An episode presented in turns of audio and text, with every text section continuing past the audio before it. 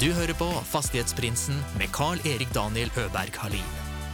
I denne podden får du følge med på eiendomsinvestorer fra Sverige og Norge når de deler sine erfaringer og tips med oss lytterne. Gjestene er alt fra småbarnsforeldre med sin første enhet, til de mer etablerte haiene. God fornøyelse. Da sier jeg hjertelig velkommen til Ulrik Framstad. Takk. takk. Det for investeringsdirektör på, Pilaris. Riktig. Eh, Pilares. Pilaris. Pilares eiendom. Ja. Ja. stemmer. Hur länge har du vært eh, på Pilaris eiendom? Ehm, jeg har jobbet i Pilaris i to og et halvt år. Mm. Før det så jobbet jeg fem år i bondeutvikling. Mm. Så her jobber jeg med transaksjoner, tomtekjøp. Pilaris er en boligutvikler. Så for at vi skal ha noe å jobbe med, eh, for kollegaene mine som er prosjektledere skal ha noe å jobbe med, så Ja. eh, må vi prøve å få kjøpt noen noen Det er tomter. du som er sjefen?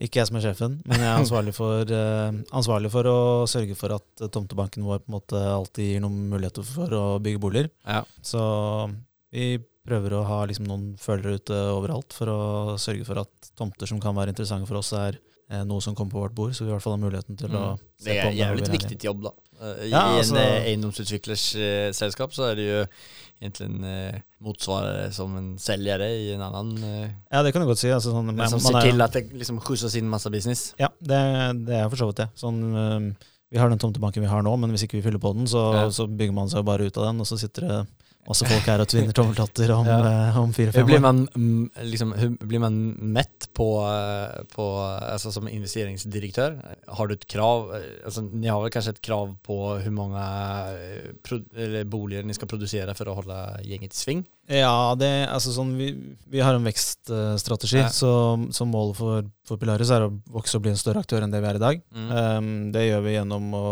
gjøre flere og større prosjekter, Mm. um, som betyr at vi må gjøre tomtekjøp. Mm. Og etter hvert som man bygger seg ut av noe, så må du jo på en måte erstatte det bare for å holde det tempoet man allerede har. Ja. Så, så jeg har en, på en måte en, en viktig jobb i å sørge for at uh, det er størst mulig sannsynlighet for at de uh, gode tomtene som vi har lyst til å, å liksom bruke tiden på å bygge tomter på og utvikle gode hjem på, er uh, noe som vi på en måte får inn dørene her. Mm. Og så er det liksom den største delen av jobben og den på en måte viktigste jobben gjør mine kollegaer som er prosjektledere og har liksom litt mer ingeniørkompetansen, som, som jobber fem, seks, syv år med et prosjekt for å få det fra idéstadiet til å liksom stå ferdig, at folk kan flytte inn. Mm. Um, men hvis ikke vi har kjøpt noen tomter, så, så får det ikke noe å gjøre.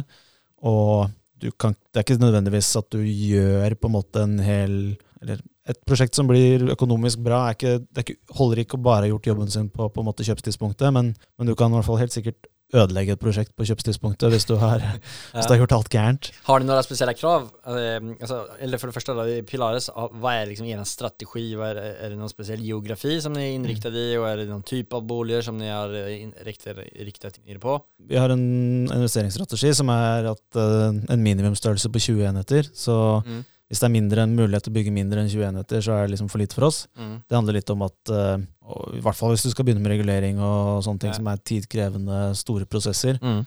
så det tar like lang tid å regulere et prosjekt på 15 enheter som på 250. Mm. Um, så den internkapasiteten, timebruken som vi legger ned herfra, er liksom mer verdt i større prosjekter. Så Mm. minimum 20. Jeg vil si Mm. sweet spoten er kanskje 50-150 enheter. Mm. Eh, men vi kan gjøre større, større prosjekter enn det også. Men uh, blir de veldig veldig, veldig store, så blir det typisk liksom veldig lange prosjekter som går over veldig lang tid. Så da er binder du fort på kapitalen og ressursene veldig lenge. Så da er du avhengig av å ha liksom, noen oppgjørsstrukturer på eh, tomtekjøpet som gjør at eh, den kapitalbindingen ikke blir så gæren som, som den ellers ville blitt. Men på geografi så er vi, vi er liksom sentrale Østlandet, time og halvannen reisevei rundt Oslo Mm. eh, i etablerte boligmarkeder hvor ja, jeg, jeg liker at du skal kunne på en måte Hvis du er en lokal kjøper til et av våre prosjekter, så skal du kunne selge eneboligen din eller rekkehuset ditt eller hva det er du bor i, eh, og veksle det inn i en leilighet som på en måte har en fornuftig størrelse, da, en 100 kvadratmeter type. Mm. Um, og at det fortsatt gir en kvadratmeterpris på den leiligheten du skal kjøpe, som er liksom Det må, det må være over byggekost og, Mm. sånn. da. Så noen steder, hvis, hvis uh, gjennomsnittsprisen på et hus et sted er eh, 3-4 millioner kroner, så er liksom da kan du ikke veksle inn det i en leilighet på 100 kvadratmeter. Da er liksom ikke vi 30 000-40 000 kroner meteren. Det er langt under byggekost. på en Mm. måte. Så jeg liker å være i etablerte boligområder som er ok likvide, hvor du kan hvor du ser at uh, gjennomsnittlig uh, småhuspris er ja, i hvert fall over syv millioner. Mm. Ok, Så da er du ennå i relativt etablerte bydeler, eller by, Ja. byer? Yes. Mm. Så um, mye av porteføljen vår ligger uh, i og rundt Drammen, um, og i og rundt Oslo, og så liksom litt imellom. Men de siste, siste prosjektene vi har kjøpt, da har vi kjøpt to prosjekter i Drammen og et prosjekt i Kolbotn. Mm. Uh, at det er to prosjekter i Drammen er litt tilfeldig, men, men eh, Drammen er en kommune som Pilaris har eh, mye erfaring med. En kommune som vi på en måte som vi syns er flinke og behagelige å jobbe med. Det er mye politisk risiko i det vi driver med, så å føle at du har rammebetingelser som er stabile, og en kommune som på en måte ønsker utvikling, så lenge den utviklingen er liksom, eh, av en viss kvalitet, Mm. og at de står ved det de sier at de har sagt, at de respekterer de planene de har, har lagt. Det er Ja. liksom kjempegode rammevilkår for oss. Så det er Så det opplever man i Drammen? Det, Ja, det syns jeg. Det synes Mm. jeg absolutt. Og det finnes mange andre flinke kommuner også. Så er det noen kommuner hvor det kanskje er litt mer, litt mer ustabile forhold og litt, eh, ja, litt vanskeligere å jobbe. Eh, bare for å få et lite begrepp om hvor stor Pilaris er. Mm. Eller for det første, hvor lenge har ni eksistert? Og hvor Ja. store, eller hva, hva regner man med? Regner man omsetningen i, i sålta, Vi, sålt? Ja, är det man bedømmer en eh, utvecklare?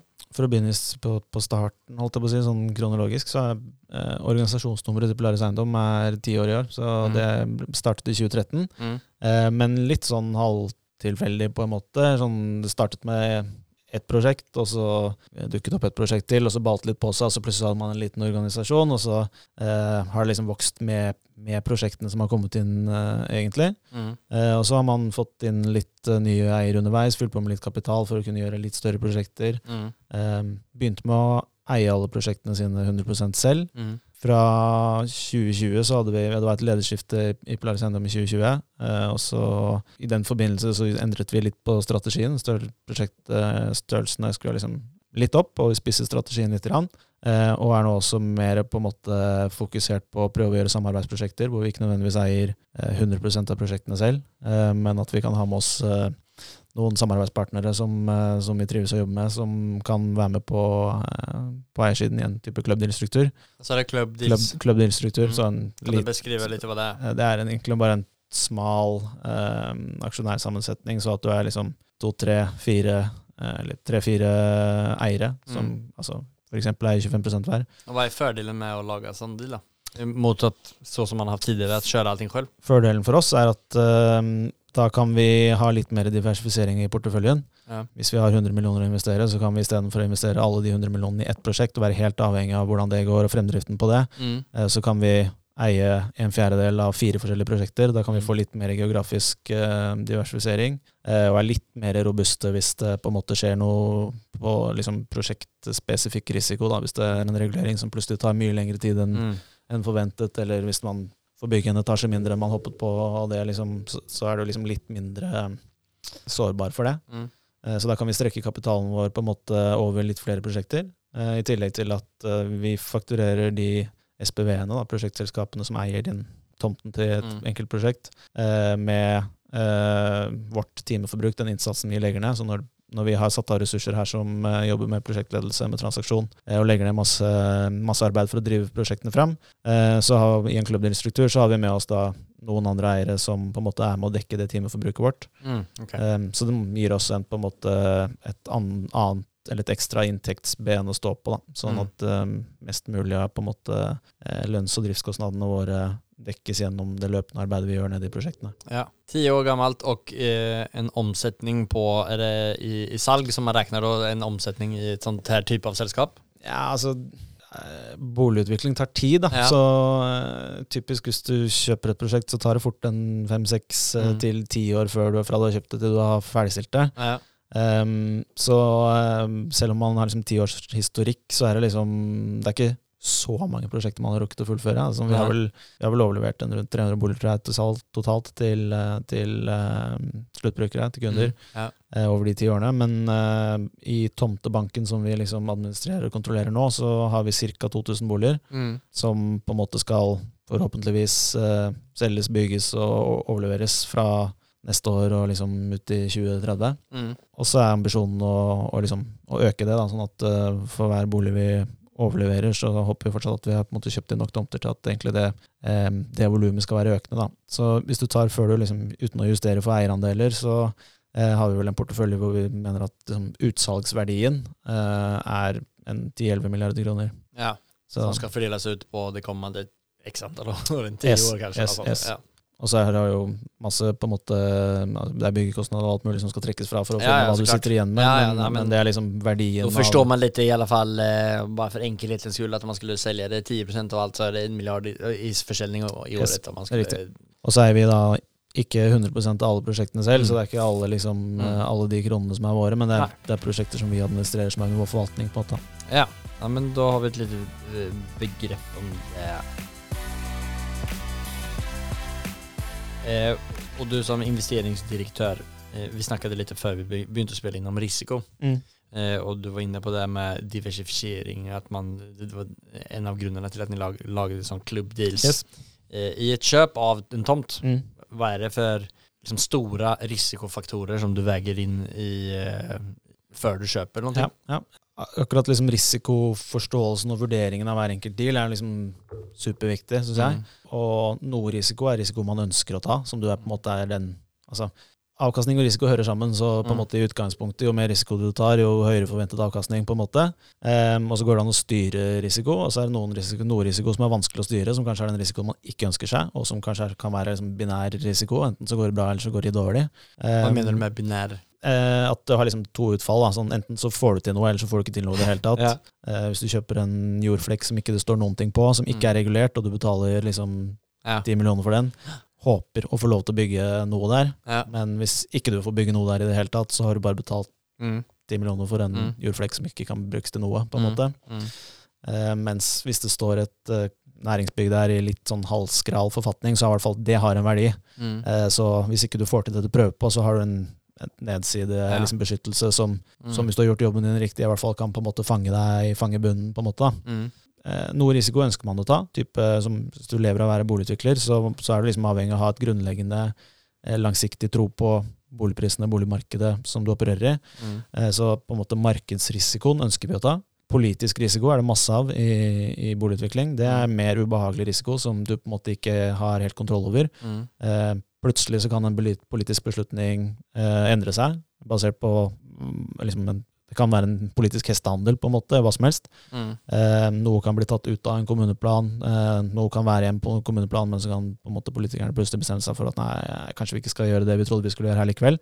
Så hvis du har investert mye penger i en tomt som du da på en måte tror at skal være mulig å få til noe på, og så, så viser det seg at eh, pga. en politisk beslutning så er den ikke det likevel, Mm. Um, så er det liksom den, den er, Det er en type risiko som er litt vanskeligere å kontrollere Mm.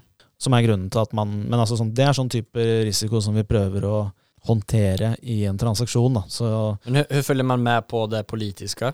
Eh, altså Hvor tett følger man med på kommuneplaner og... eh, det følger vi tett med på. Så vi prøver å ha liksom, kontinuerlig god oversikt over hva som gjelder i alle de kommunene som vi syns er attraktive steder å være. Mm. Eh, og hver gang en kommuneplan rulleres, så, så følger man med på det. Du får med deg litt uh, høringsinnspill. De, de kommuneplanene er liksom Det er stedet du starter, egentlig, for det er det, det politikerne sier, at det, dette er den langsiktige strategien vi ønsker for Ja. denne kommunen. Det er her vi ønsker utvikling. Mm. Eh, og stort sett så er det liksom velbegrunnet og gode, gode grunner for det. Og så kan Mm. du lese ut av kommuneplanene en god del liksom, føringer som gjelder for de ulike områdene. Mm. Eh, hvor høyt ser man for seg å bygge hvor, og hvor er det man ikke skal bygge så høyt? Hvor er det ikke skal bygges noe i det hele tatt? Mm. Hvilke hensyn skal tas? Eh, hva må til for å få lov til å bygge et sted? Eh, må det bygges en skole for at det skal være mulig å, å få til noe her? Og i så fall, har kommunen budsjetter til å bygge den skolen i den nærmeste framtid, eller ligger det 15 år frem i tid? på en måte? Det sier noe om i hvert fall horisonten du kan regne med å få til noe på. Mm. Så kommuneplaner er en kjempeviktig del av liksom, eh, researchen når du Mm. vurderer en case. Mm. Og så er jo politikk, Altså, særlig kanskje i de litt mindre kommunene rundt omkring, så er det jo liksom politikere som er politikere på, på deltid, eh, som har andre jobber egentlig. Akkurat en politisk sammensetning kan være liksom veldig sånn personavhengig. Så du kan, Ja. selv om ikke det har vært et politisk skifte, så kan man ha byttet ut en person som kan gjøre noe med Mm. gruppedynamikk. Ja. Plutselig så er det en som ikke kan komme på et møte hvor det skal stemmes om et eller annet, og så sendes det en vara, og den varaen er fra et annet parti og stemmer kanskje noe helt annet. Så det er liksom det er noen sånne små ting som kan være litt guffent, da. Men eh, politisk risiko prøver vi å håndtere i, i liksom transaksjonsprosessen. Låter som at det er ekstremt mye som ikke har med eiendom å gjøre, og, Ja, ja, masse, drive med masse, eiendom. Masse. Mm. Uh, det har nettopp vært kommunevalg, så det er liksom å sette seg inn i okay, hvilke nye konstellasjoner har dukket opp rundt omkring. Hva har de forskjellige partiene i sine partiprogrammer? Det er et, eh, en, eh, en, hva skal ska man säga, en, et lager som jeg ikke helt har tenkt på. Men Ja. som Ja, men det- i, i, spesielt i mindre, mindre kommuner der det er är eller der det er heltidspolitiker som Yes. er involvert, da Yes. kan det jo være ekstremt risiko. Definitivt. Og det er jo en, altså det er en viktig det er viktig at noen tar ansvar for på en måte en helhetlig planlegging om hvordan man ønsker at en by eller sted skal utvikles over tid. Mm. Um, og det er nok bra at ikke det er på en måte bare boligutviklere som bestemmer det, at man har noen som liksom forvalter uh, samfunnets interesser. Mm. Så, så det er en superviktig rolle, men det er liksom viktig for oss også. Det er rammebetingelsene vi, vi spiller etter, er spillereglene våre, så det må vi, eh, det må vi ha kontroll på. Ja. Um, men, men sånn type politisk risiko prøver vi å håndtere i, i transaksjons- eller kontraktshåndverket, egentlig. Altså hvis du, hvis du kjøper en tomt som det på en måte Den er ikke regulert, så du vet ikke akkurat hva du kan bygge, Mm. men du har en viss idé, så prøver du å, å liksom si at hvis vi får til dette, så får du så mye betalt. eh, Hvis vi får til mindre, så får du litt mindre Att man gjør den dealen med dem som eh, De som äger den selger- Yes. Mm. Så hvis tomtebelastningen er 20 000, så sier vi at du får 20 000 for hver kvadratmeter vi får lov å bygge her, Mm. med, med bolig, eller en annen kvadratmeterpris hvis det blir noe innslag av næring eller noe annet. Mm. Og det får du betalt liksom, først når vi vet hva vi får til. Mm. Du får kanskje litt grann up front, og så får du noe når det er regulert, kanskje Mm. noe når det er byggstart. Er det den vanligaste oppsettet av kjøp av tomt?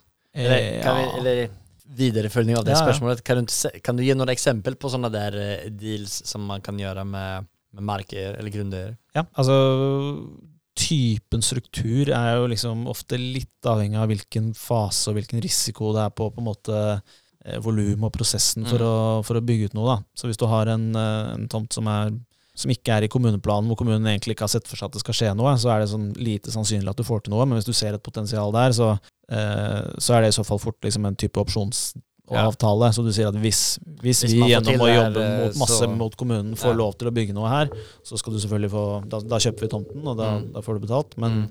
siden det er såpass usikkert, så kan vi ikke betale noe for det i dag. Mm. Hvis noe er inne i kommuneplanen, så har du litt uh, bedre forutsigbarhet. Da kan du Mm. kanskje betale noe up front, eller liksom være litt Mm. mer konkret på hvordan ting skal gjøres. Mm. Eh, og hvis noe er ferdigregulert, så har du jo mye mer kontroll på det. Da er du på en måte kvitt den største volumrisikoen og, og, og formålsrisikoen. på en Mm. måte. Da vet du at her er det mulig å bygge bolig, og det skal være mulig å bygge 5000 BRA, eller hva det skal være. Mm. Eh, da har du litt mer forutsigbarhet på det. Mm. Eh, Så da kan det også være litt, litt liksom, det er typisk for grunneier litt bedre betalt, og kanskje liksom litt tidligere betalt. Um, og så følger det egentlig sånn, sånn jo senere du er i prosessen, jo mer risiko som er tatt ut før du kommer inn, uh, jo bedre betalt for typisk grunneier, på en måte. For det er liksom, ja. Men uh, så avhengig av på en måte hvilken fase, hvilken risiko som er på, på utviklingspotensialet, så skrur man til typisk transaksjonene deretter. Um, og så får en grunneier som på en måte er villig, med, villig til å dele risikoen, og liksom sier ja, ja, greit, men hvis, hvis du får til masse, så skal jeg ha bedre betalt, men da får jeg det når vi vet at du får til masse. Mm. Eh, eller så hvis det er en som bare jeg vil selge, jeg skal ikke ha, du får ta ansvar for dette, så får du typisk på en måte dårligere betalt for, for tomten din. da. Den, dynami eller den eh, perioden som vi er inne i nå, Ja.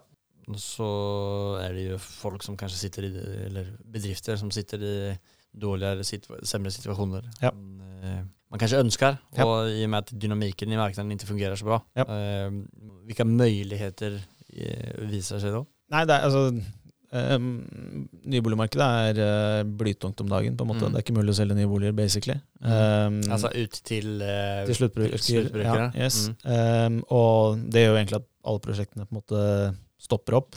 Hva er det som gjør det at nybolig ikke selges? Eh, altså mot Ja, altså Bruktmarkedet fungerer sånn høvelig greit. eh, men, på visse områder så, så er det jo nesten der at det er omtrent samme priser. Eh, Ja.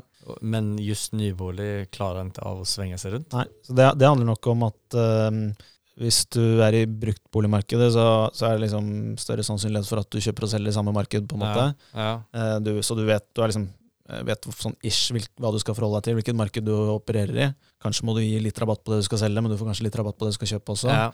Eh, mens kjøper du en nybolig som du kjøper på, på Mm. prospekt på tegning, som er ferdig om to år, Mm. eh, så skal du ikke betale for den tomten før om to år. Du avtaler prisen i dag. Mm. Eh, skal kanskje betale et lite forskudd, og så Mm. skal du liksom gjøre opp for deg og ta over den om type to år. da. Ja. Eh, og så skal du da kanskje selge huset ditt du bor i i dag da om en ett og et halvt, to års tid. Mm. Eh, og hvis, markedet, hvis du er redd for at markedet skal falle 10% så Mm. faller jo på en måte verdien på den nye boligen du har kjøpt, i tillegg Mm. til at den du skal selge, som du skal bruke liksom, eh, den kapitalen som er bundet opp i den boligen Mm. du skal selge, skal du bruke til å kjøpe den nye. Mm. Eh, så du sitter med dobbel eksponering, som selvfølgelig, hvis markedet skyter i vei oppover, så er det supert å sitte med dobbel eksponering. Ja. Men, men det kan jo liksom også fullstendig ødelegge en familieøkonomi, på en måte, Mm. hvis du har spilt for hardt og det går gæren vei. Ja. Så det er jo liksom eh, Folk syns at det er litt usikre tider. Usikre på liksom hvor skal, eh, hvor skal ting.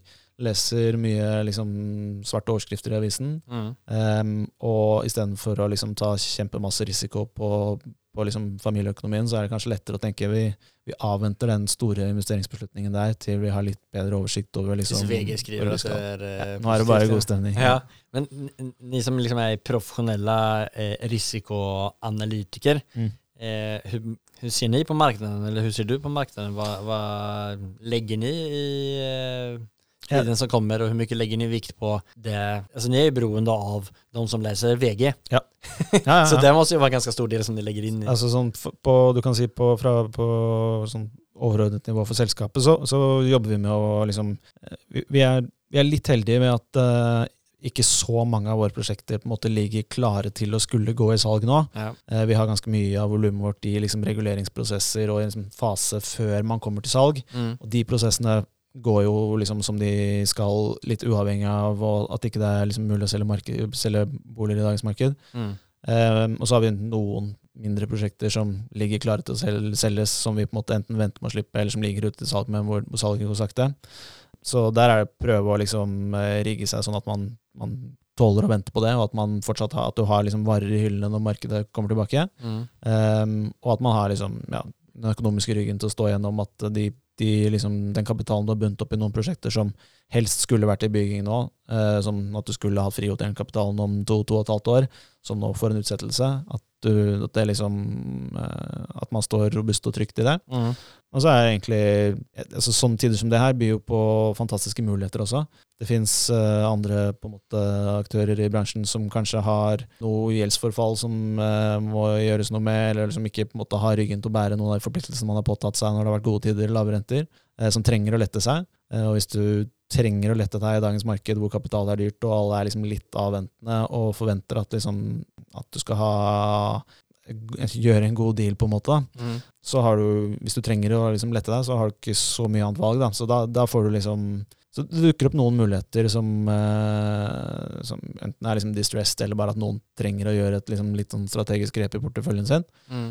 Mens hvis det er type en familie som, som har egentlig har planlagt å selge noe, og som egentlig ikke må, men, men du har kommet dit i prosessen at det var nå vi skulle ut og selge dette, eh, så er kanskje timingen litt uheldig, og så vil du kanskje ikke nødvendigvis gjøre så mye med prisen, men, men da er markedet nå mye mer liksom kynisk på at eh, oppgjørsstruktur er en, da en forventning. At det betales eh, Du kan avtale en pris, eh, men den avhenger av hva vi ender opp med å få til, og du får ikke betalt eh, alt nå. Du får betalt kanskje litt nå, kanskje litt når en reguleringsprosess er på plass, kanskje litt når vi begynner å bygge, sånn at vi som utvikler både liksom sparer finanskostnad i den perioden mens man jobber med prosjektet, Mm. og ikke minst sparer egenkapitalbindingen fra dag én. Da. Vi, vi har ganske strenge krav på avkastningen vi skal levere til, til eierne våre Mm. eh, og samarbeidspartnerne våre. Så vi skal typisk ha liksom 15-20 med nærmere 20% avkastning på egenkapitalen. Så hvis vi binder masse dag igjen i et prosjekt som tar ti år, så, så må du levere helt fantastiske resultater igjen for at det skal liksom Ja. regne seg hjem til 20 over uh, lang tidsperiode. Mm. Så jo mer av tomteoppgjøret vi får liksom skjøvet nærmere at vi faktisk skal begynne å bygge, Mm.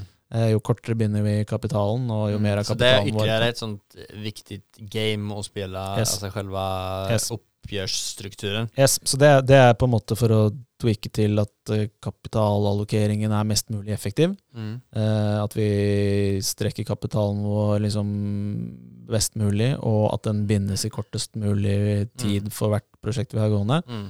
Eh, I tillegg til at det selvfølgelig er, liksom, det er en risikoreduserende mekanisme. Da. For Hvis du Mm. havner i sånne situasjoner som vi er i nå, da, hvor det er liksom, plutselig så stopper markedet helt opp, det er ikke mulig å selge en bolig, hvis, hvis vi skal gjøre opp 20% av en tomt idet vi begynner å bygge, og vi, vi begynner ikke å bygge før vi har 50-60% forhåndssalg, så hvis ikke det er mulig å få til det, så betaler vi heller ikke for liksom, neste transje av den tomten før vi faktisk har et marked som fungerer igjen. Er ikke det en ganske svår Eller hvordan er den eh, forståelsen for en, en selger Ja. eh, med at oppgjøret, gjøres på det her settet? Ja, det, altså sånn Det må være ganske Ja, Det er vel det er- mye som går på dialogen der, eller? Absolutt. Og, og der er jo altså sånn, hvis, hvis du bruker en profesjonell megler imellom, Mm. eh, så er de en, en mellommann som skal på en måte eh, sørge for at eh, I hvert fall, i hvert fall sørge for at den liksom mindre profesjonelle parten ikke blir lurt. Mm. Eh, så, så meglere er gode rådgivere, og, og de vil jo kunne fortelle i så fall en oppdragsgiver at sånn som markedet er nå, så er det, liksom, det er en forventning. Skal du, skal du selge en tomt nå, så, eh, og du ikke skal på en måte Enten så må du selge, selge den billig, Mm. Eh, eller så må du selge med liksom, hvor du tar en stor del av den risikoen som man opplever der ute, og, og får liksom oppgjøret ditt stykket opp og, over prosjektets eh, tidshorisont, egentlig. Mm. Så der gjør megleren en god jobb, men det er klart det, det tar litt tid fra eh, vi som sitter tettest markedet, begynner å merke liksom Nå er det endringer på ting, til det synker inn hos en, Ja. en, en grunneier, på en måte Ja. at de tar det innover seg. Om man går tilbake Jeg har jo snakket med folk som har vært i gamet i mange år, Mm. og mange tiår, år, Ja. eh, som har vært igjennom sånne her sykler tidligere. Og eh, alltid sittet og tenkt at eh, ja, de bygde opp seg under denne perioden, det var 20 år Ja. siden, og da var det de her dynamikkene som, Yes. eh, som spelade in, og de her de, möjligheterna var möjliga å gjøre da. Mm. Men bare sk- skru tilbake klockan for ett år eller två år sedan Mm. så eh, klarade inte jag av å se at det ens var möjligt i marknaden å å få til sånne här deals. Men Nej. det er jo just nu som man er inne i Yes. nu, der alle de her spesialavtalene som man har hørt talas om eh, har blitt gjort for 10-20 år siden, Ja. eh, er mulig. Det er, og det er, et, det er liksom en, et lite sånn mindset er sånn eh, det, det finnes nok en del sånne systemer som er eh, store og gamle, på en måte, som er sånn sånn, her, sånn gjør vi det her, på en måte, Mm. og noen risiko liker vi ikke. Den, så den, da, vi kikker ikke på den dealen her, fordi der er, der er det et element av risiko som ikke vi liker. Der, der er jeg mer fan av å tenke liksom, ok, men hvilke grep kan vi gjøre i en kontrakt da, som gjør at jeg flytter den risikoen over på selgeren, eller i hvert fall ikke ta 100% av den risikoen selv. Mm. Mye kan styres i, i kontraktsverket, på en måte. Så sånn i utgangspunktet så er jeg liksom Jeg er ikke redd for risiko så lenge den kan på en måte håndteres. Ja. Men eh, ja. Men det er, det marknadsrisiko, det er politisk risiko. Hva er det mer for type av risiko? Altså, Nå snakker vi masse om tråkige saker, egentlig. ja, Eller, ja. Nei, eller, det er jo så her Det, det, som er, eh, det som er litt eh, gøy, på en måte sånn- jeg, jeg liker egentlig Det er sikkert mange som ikke liker å høre det nå, som sitter og har det helt forferdelig på jobben. Det er, liksom, det, er- det, er ikke noe, det er ikke noe morsomt når markedet er dårlig. Nei. Det er det ikke. Um, men uh, det byr på noen muligheter som så, så, Og det er, liksom, det er litt utfordrende, men, men får du til noe, så er det kjempegøy. Mm. Vi har gjort tre transaksjoner i 2023. Uh, Mm. Jeg tror ikke det er så mange andre som har liksom gjort det. Det er et superkrevende marked å få til å gjøre dealer i. Mm. Um, så all honnør til på en måte våre eiere som har backet oss på det, men vi syns at det har vært liksom kjempeinvesteringer. Sannsynligvis prosjekter vi ikke hadde fått kjøpt for uh, ett og et halvt, to år siden, da når liksom markedet kokte. Jeg begynte denne rollen her i august 2021, og det tok liksom ja, to år nesten fra jeg begynte til vi gjorde vår første deal. Da gjorde vi Mm. liksom tre i en smekk. Men Mm. uh, da gikk jeg to år og liksom følte at jobben min var å kjøpe tomter, men eh, det fikk vi ikke til, og det kan jeg gå på, på en måte stoltheten og selvtilliten løs.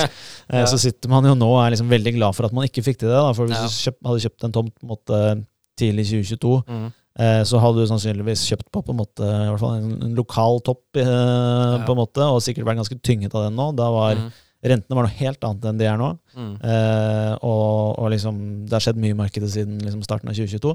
Eh, så vi føler at på de dealene vi har gjort i år, så har vi kommet inn på på en måte fornuftige nivåer. Så gjenstår å se i bakspeilet om, det, om, om vi har rett i det. Men eh, Det er jo flere saker i marknaden som spiller inn just nå. Mm. Det er høyere renter, Ja. det er eh, krig også. Ja. Det er eh, en eh, lagt tilbake i tid eh, covid-pandemi som man nesten har glemt. Ja. Det er eh, EU-taksonomi som er overhengende og som man må sette seg inn i. Og, eh, det låter jo på et sett ändå som at ni er et selskap som har et eh, er, godt rustede for det? På hvilket sett er det altså, Vi prøver i hvert fall å være det, på en Ja. måte. Men, Eh, men om man tar hur får ni Ni har no, några ägare, sa du. Ja, ja, ja. Och Og eh, er det därifrån ni får kapitalet, eller, är det en kombinasjon av club deals og gjør, altså, gjør ni, har ni noen obligasjoner eller noe sånt? Vi har ikke noe obligasjonsfinansiering. Nei. Eh, så vi har på en måte bankfinansiering i prosjektene våre. Når du kjøper en tomt, så låner du typisk liksom 50-60% av tomtekostnaden, som Mm. i, i bank. Mm.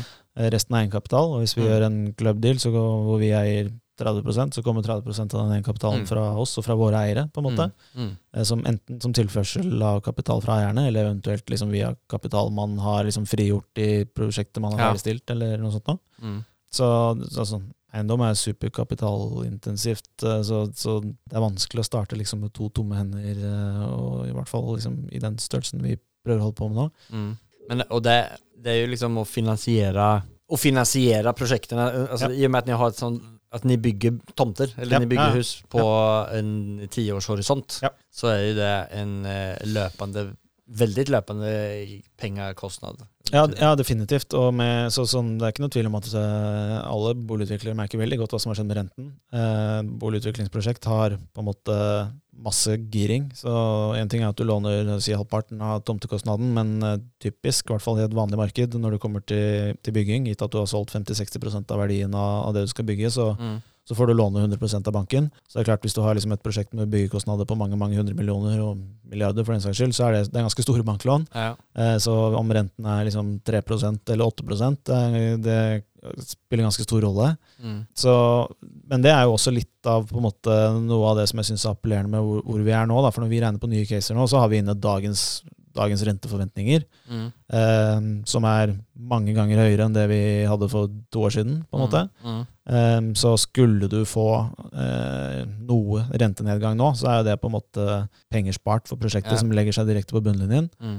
Mens, så, så hvis, man, hvis man tenker at vi begynner å nærme oss et territorium hvor det er kanskje begynner å bli mer sannsynlig etter hvert at renten skal litt ned enn at den skal veldig mye opp, i hvert fall, så har du kanskje liksom priset inn tett opp mot toppen av det du Mm. skal ha rentekostnader. Og på et stort prosjekt som går over lang tid med, med høye byggelån, så har du modellert inn kjempestore finanskostnader som da på en måte med litt rentenedgang kan altså Det legger seg rett på bunnlinjen din. da. Mm. Så Hva er det flere for, eller er for faktorer som ni, som ni legger inn i horisont framöver? Eh, er det noen er det bare oppsida framover, eller, eller er det noe mer som ni tenker kan lure seg bakom eh, stenene her fremme. Nei, altså, det er vanskelig å være spåmann, da. Ja. Men, uh, Jo, men altså, det, det er jo eh, jobben til en analytiker eller til Ja, en altså vi må i hvert fall på en måte prøve å ta høyde for noen ting. Når vi sitter Ja. og regner på ting, så liker jeg å prøve å tenke hva, altså, hva, er, liksom, hva er et sannsynlig utfallsrom her. da? Mm. En ting er liksom, hva tror jeg er mest sannsynlig, Ja. uh, og, og hvordan ser på en måte tallene ut da. Uh, hvis vi er litt uheldige, eh, og, og det har noen konsekvenser, mister en etasje eller et eller annet greier i et prosjekt, eller liksom, ah, prisene ble litt dårligere enn vi hadde Mm. håpet på, eller prisen ble litt høyere, Ja. Det tar litt lengre tid enn vi håpet at det skulle ta. Hva skjer da, på en Mm. måte? Og hvis du, hvis du regner på et par sånne scenarioer, så har du etter hvert et ganske sånn bra sånn grei forståelse av liksom utfallsrommet. da. Og hvis Mm. liksom det som Hvis det går sånn som du ikke håper, og det fortsatt er liksom greit, du, du står på beina, så kan man jo være sånn ok komfortabel. Mm. Så kommer det alltid et eller annet greier som du ikke har tenkt på. da. Sånn, Ja. Eh, ingen som tok høyde for at det skulle komme en pandemi, f.eks. Mm. Som er sånn Nei. Når du får den i fanget, så blir det jo litt sånn eh, Ok, hva skjer nå? Ja. Hvilke konsekvenser har dette? Og det er sånn generelt sånn når det skjer liksom store ting i markedet som preger markedet veldig, så er man jo da, da, da er, Når det er mye usikkerhet, så er det ukomfortabelt å ta beslutninger, Mm. eh, og, gjør, og vanskelig å ta forutsetninger. Mm. Byggekostnader som plutselig nærmest over natten liksom skyter Mm. 20-30-40% Det er liksom det blir problematisk for et Mm. hvilket som helst prosjekt. Og det Mm. har man liksom å, sitte en dag og skal gjette på hva det skal koste å bygge et prosjekt om tre år. Ja. Når, når, når du trodde at det pleide å koste 42 000 meter, og så plutselig Ja. koster det 55 Ja. Hva skal det koste i morgen da? Ja. Skal det tilbake til 42, eller skal det Mm. fortsette videre og koste 70, liksom? Ja. Det er mange faktorer å tenke på. Men det, det her, jeg vil bare komme tilbake til det her med eh, reguleringsplaner, til eksempel. Hva er det som kan spille inn der? Altså, den her reguleringsplanen, Mm. er den så utydelig? Eller er det, er det, er det, at man eh, vet ikke sak, om saker og ting kan endres? Er det det som er faktoren? For at man ser på en tomt i dag, Mm. så er det, er det svart eller hvitt? Eller finnes det masse what ifs eh, Du ser man kan miste en etasje. Ja. Står den til Du får jo, syv etasjer. Hvis tomten er regulert, så har du ganske god koll på, hva, altså på Ja. de ytre rammene. liksom. Du har noen byggegrenser, du har enten noen etasjehøyder eller noen kvotehøyder, Ja. eh, et fotavtrykk eller en, sånn, en BRA-regulering hvor det står her kan du bygge 7000 BRA, så lenge du forholder deg til disse kravene her. på en måte. Eh, men det er typisk hvis du kjøper en tomt som ikke er ferdigregulert, da, som kanskje er eh, industri i dag, Mm. eh, men som ligger inne i et område i kommuneplanen hvor, hvor kommunen ser for seg at her skal det skje en transformasjon, her skal det skje en utvikling. Så det Ja. området som her er, altså Ta Ensjø for ti år siden, Ja. bare liksom bilbutikker og bilbasert eh, næring, Mm. eh, men med en T-banestasjon og tett på liksom annen boligbebyggelse. Bra sted for å liksom kunne bygge mange boliger. Mm. Eh, så hvis, hvis du har da liksom kommunen har pekt ut at her, her, her er vi positive at det skal skje okay. noe, Mm. så, så vet du det, men du Mm. vet ikke nødvendigvis eh, Hvor lang tid tar det, og, og- hva innebærer det Ja. egentlig. Ja. Og de, kan, de setter typisk noen føringer, da, sånn eh, Mm. at eh, her kan du liksom regne med å bygge og få en utnyttelse på tomten Mm. din på et eller annet sted mellom 150 og 250% Så da er det bedre enn at det kan bli x antall etasjer, for eksempel, som du sa der? Hvis vi skal regne på Ja. et konkret case, så må vi på en Mm. måte putte inn et konkret volum. Så vi kan tenke ok, her tror vi at vi får bygge seks etasjer, da, Mm. og, og liksom en total utnyttelse på 175 Det er liksom fornuftig. Eh, men så vet du aldri før du er liksom gått inn i Nei, men da reguleringsprosessen. forstår, jeg, da forstår jeg mer Ja. eh, for Jeg har alltid vært så här, eh, förundrad över hur, hur, det, hur man inte kan veta om det. Men då, är det ju i, i det, då köper man ju en tomt i det stadiet som man Yes. inte har. Jo- jo längre du det finns i- inget konkret. Yes. eh, Og, Kommunen har liksom sagt at her vil vi at det skal skje Ja. noe, og det skal, og det skal være sånn røftlig sånn her, men, men Mm. om det er liksom fem etasjer eller syv etasjer, eh, og hva gjelder på denne tomt, min tomt, og hva gjelder på nabotomten, og liksom klarer du å oppfylle alle de kvalitetskravene som er til uteoppholdsarealer og Mm. sol og støy og dagslys, og mm. det er liksom vanskelig før du har virkelig begynt å tegne ut og sånn, og så skal Ja. det sitte noen i, i plan og bygg og liksom være enig i de grepene man tar, da. ja. Eh, og så vet man ikke om det er gjort på tre år, eller om det er gjort på syv år eller ti år. Så Nei, nei, det er liksom rentekostnader og, Yes. og sånt som Så når du begynner et prosjekt, så er liksom Verden kan se litt annerledes ut. Det kan ha Mm. skjedd mye liksom fra du begynner å prosjektere noe til du har, liksom, skal begynne å bygge det. da. Ja. Risky og spennende på samme gang. Ja, absolutt. Definitivt. Så det er liksom eh, Nå jobber jeg med, med på en måte å liksom regne på å modellere eh, boligcaser som jeg i hvert fall liker å tenke at det er liksom det mest komplekse å regne på og modellere. Det er uendelig mange liksom inputer og altså, volum og drøssevis av kostnadslinjer og fremdriftsrisiko og masse ting Mm. som du skal liksom modellere, sette tall på Mm. eh, for at det skal renne ut en liksom, fasit på hva du mener tomten er verdt, og hvilken avkastning Ja. du tror den kan generere. Mens eh, litt mer sånn, har, har du et logistikkbygg med én leietager, Mm. litt lettere å regne på. Ja. Du vet liksom akkurat når den leie- leiekontrakten begynner, og når den slutter, Ja. og hvor mye de betaler i leie. Det, du, du skal modellere det opp, og så kan du hvor mye, hvor mye får jeg låne, hvor mye egenkapital krever det, og liksom tror jeg at den leietakeren eh, ikke går konkurs. Mm. Og hvis han går konkurs, eller hvis han eh, velger å avslutte leieforholdet når leiekontrakten er ferdig, hva får jeg leid ut arealet for da til noen andre? Ganske mye færre på en måte eh, ifs and buts og inputs. Så jeg liker å, liker å tenke at hvis du på en måte først eh, mestrer å liksom modellere noe såpass komplekt som et bolig, boligutviklingsprosjekt, så har du gode forutsetninger for å mestre og modellere mye annet. Ja, virkelig. virkelig. Stor, eh, får mye større respekt for, for, for hvor komplekst eh, just Ja. den biten er. Det er komplekst, og det er, som jeg var inne på, det er, verden forandrer seg. ikke sant? Så de du skal, Hvis vi kjøper en tomt i dag så, og tror at vi skal, den treffer en målgruppe på folk som er 65, da, så er det liksom Hvis, hvis vi først skal begynne å bygge det om eh, ti år, så er det de som er 55 i dag, som skal flytte inn der, Ja. ikke de som er 65 i dag. Eh, og de kan ha noen andre preferanser. eller Det kan ha skjedd noe underveis som gjør at liksom? Hvordan ønsker man å bo, eller ja. Ja. Nej, där, eh, da, då, då kan du få tittel som spådam. Eh, Ja, ja, det er altså, Når du sitter og regner på en case, og du, du vet Det eneste du vet helt sikkert, er at du tar feil, på en måte. Det er, Ja. Du putter en hel masse tall inn, men, men du er helt sikker på egentlig at det er, sånn, det er ikke sånn her det kommer til å bli. Det du bare håper at du på en måte bommer i riktig retning, Ja. og at du liksom Ja, at ting heller At du har vært litt for forsiktig, på en Ja. måte. Eller, at, eller i hvert fall at eh, det som du har bomma i feil retning, ut liksom veies av det du har bommet i riktig retning. Vi har kommet fram til vårt eh, nästa segment som heter Affærsanalysen. Det er det segmentet hvor han stiller meg som om en gjennomført transaksjon eller deal. It has not been easy for me. And, you know, I, I started off in Brooklyn. My father gave me a small loan of a million dollars. Er det noen ting som du kan dele med deg om? Eh, det er jo eh, ofte litt sånn eh, litt hemmelighetskrummeri rundt liksom veldig detaljer av ting. I hvert fall ting som på en måte ikke er liksom helt ferdigstilt ennå, eller som man ikke har fasiten på. Mm. Um, så kanskje ikke sånn Kanskje jeg ikke skal gå alt for, eh, alt, alt for i detalj på sånne type ting, men jeg kan heller på en måte sånn Vi hadde gjort en deal i um, ja, Den var jo liksom signert opp i februar 2020, Ja, og så skulle vi gjøre opp eh, første transje på den i rett før korona. Yes. Ja. I 1. april, typ 1. april 2020 skulle vi liksom eh, gjøre opp. Eh, 12. mars så kom liksom pandemien. Mm. Eh, man satt plutselig på hjemmekontor, og Ja. helt, helt i starten her i hvert fall så var det litt sånn Ja. Hva skjer nå? Ja. Eh, hvor, hvor, hvor skal verden, liksom? Mm. Hvor, hvor krise er dette? Er dette over på to uker, eller Mm. skal vi slepe på dette her i årevis? Mm.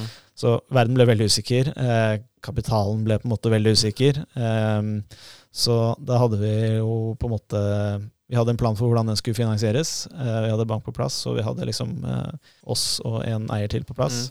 Og så begynte folk å få litt kalde føtter. Så da liksom i siste liten så, må, så, liksom, så, så manglet vi litt av den egenkapitalen vi trodde vi hadde, fra Ja. en, en partner som egentlig skulle være med. Mm. Um, så da måtte jeg liksom fra hjemmekontoret eh, spørre veldig pent i banken om ikke de kunne liksom øke låneutmålingen sitt, og at vi kunne liksom flytte om litt på finansieringsplanen og, og, og kapitalkildene. Og da, da er man glad for at man har gode bankrelasjoner. Men, men det, er sånn, det er noen sånne når, hvor ting kan være litt sånn se så mørkest ut, men hvor, eh, hvor du må liksom handle, handle kjapt. da. Mm. Så eh, som alle vet, på en måte, så kom man seg gjennom pandemien. og Mm. eh, Riktignok litt, litt bumpy times i markedet akkurat nå, men, men eh, det har vært gode tider i markedet etter pandemien. på en måte, Så eh, det viste seg at å på en måte få gjennomført noen transaksjoner eh, i litt usikkerhet der og da, Mm. det var ikke noe man Du var litt usikker på det kanskje liksom, akkurat i mars, april, eh, men når du kom ut på andre siden av sommeren, så var det liksom fint å få gjort. Ja. Så, så det er liksom det er lett å tenke på alt som kan gå gærent, eh, og det skal man, det skal man tenke litt på. Altså, det har vi vært litt innom her. Men det er viktig å prøve å tenke litt på hva som kan gå bra òg, da. Mm. Um, hvis ikke så får man ikke gjort noen ting. Men eh, du sa at ni endret om litt på finansierings... Eh, Ja. Hva for typ av endringer kan man gjøre da? Er det bare at man får høyere vi- vi- belåning av banken? Eh, Det var det vi gjorde Ja. i det tilfellet. da. Mm. Så eh, Jeg husker ikke tallene engang, liksom. Men, men si at vi skulle låne liksom 30 millioner av banken, mm. og så skulle vi ha 20 millioner i egenkapital. Eh, og så for å liksom få finansiert opp den egenkapitalen, så måtte vi kanskje gå fra 20 til 15, da, for å Mm. ta et tall. Så da er liksom, mangler du 5 millioner som, Mm. eh, som du i hvert fall prøvde å få banken til å stille opp med i stedet. Mm. Litt sånn i siste liten med litt kort, kort frist. Ja. Men, eh, Men hva, viser det, altså, var, eh, var banken forstående til at risiko i markedet eh, blev stoppad? Eh, ja, det, det, altså, det gikk jo bra. Så med gode bankforbindelser så ordner man det. Og så er det liksom, ok, litt sikkerhetsstillelse som stilles, og sånn, så kan banken liksom Ja. sikre seg litt. Men eh, Mm. Ja, nei, men eh, det var jo tur at det gikk bra der. Ja. Det er en deal som ni har eh, gående og jobber med fortsatt. ja, det er der jeg jobbet før, da, men de, eh, de jobber fortsatt med den. Ja, Mm. Da eh, då är vi videre til vårt neste segment som heter Fyra frågor og det er Mm. de samme fyra frågorna som vi stiller vår gäst.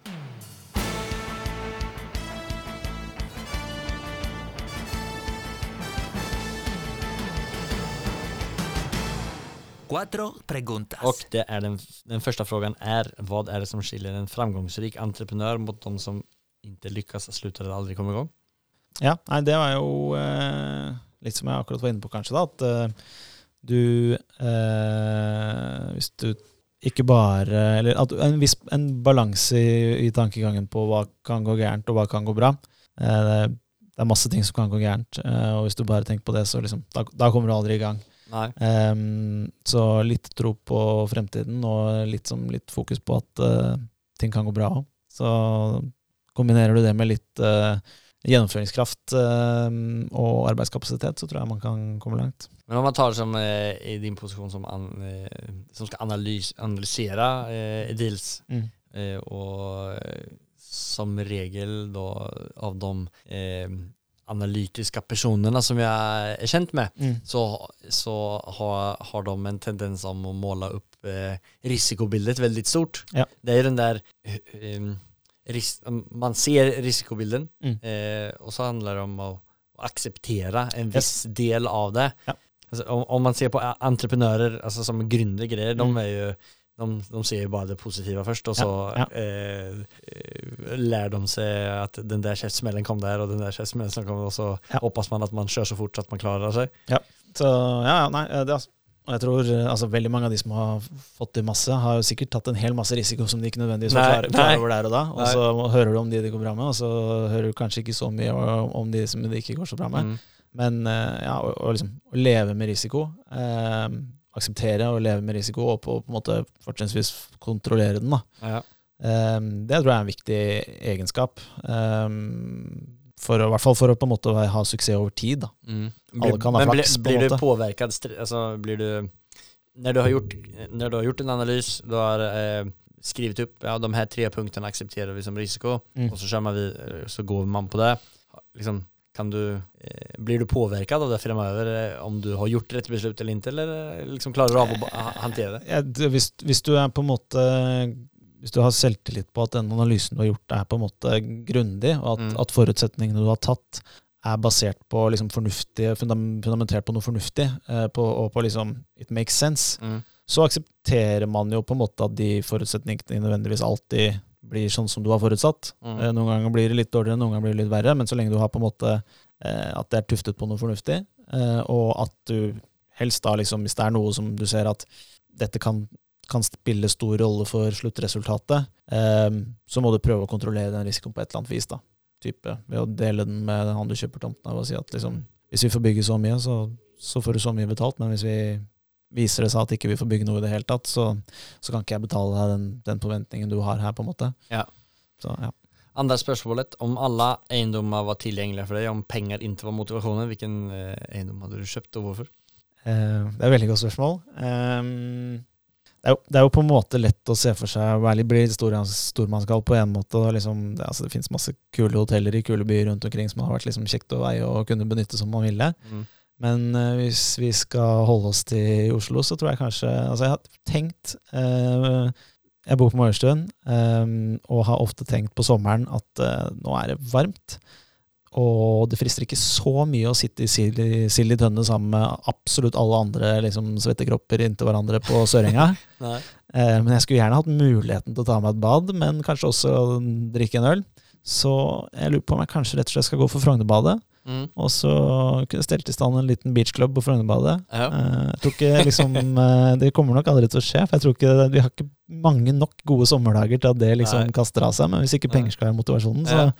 kult å ha muligheten. Og der kan du sikkert arrangere noen kule sommerfester. ja, det hadde vært en festival, det kommer på. Ja, Ja, men da, da, gleder jeg meg til Ja, det, blir, det blir av. Ja.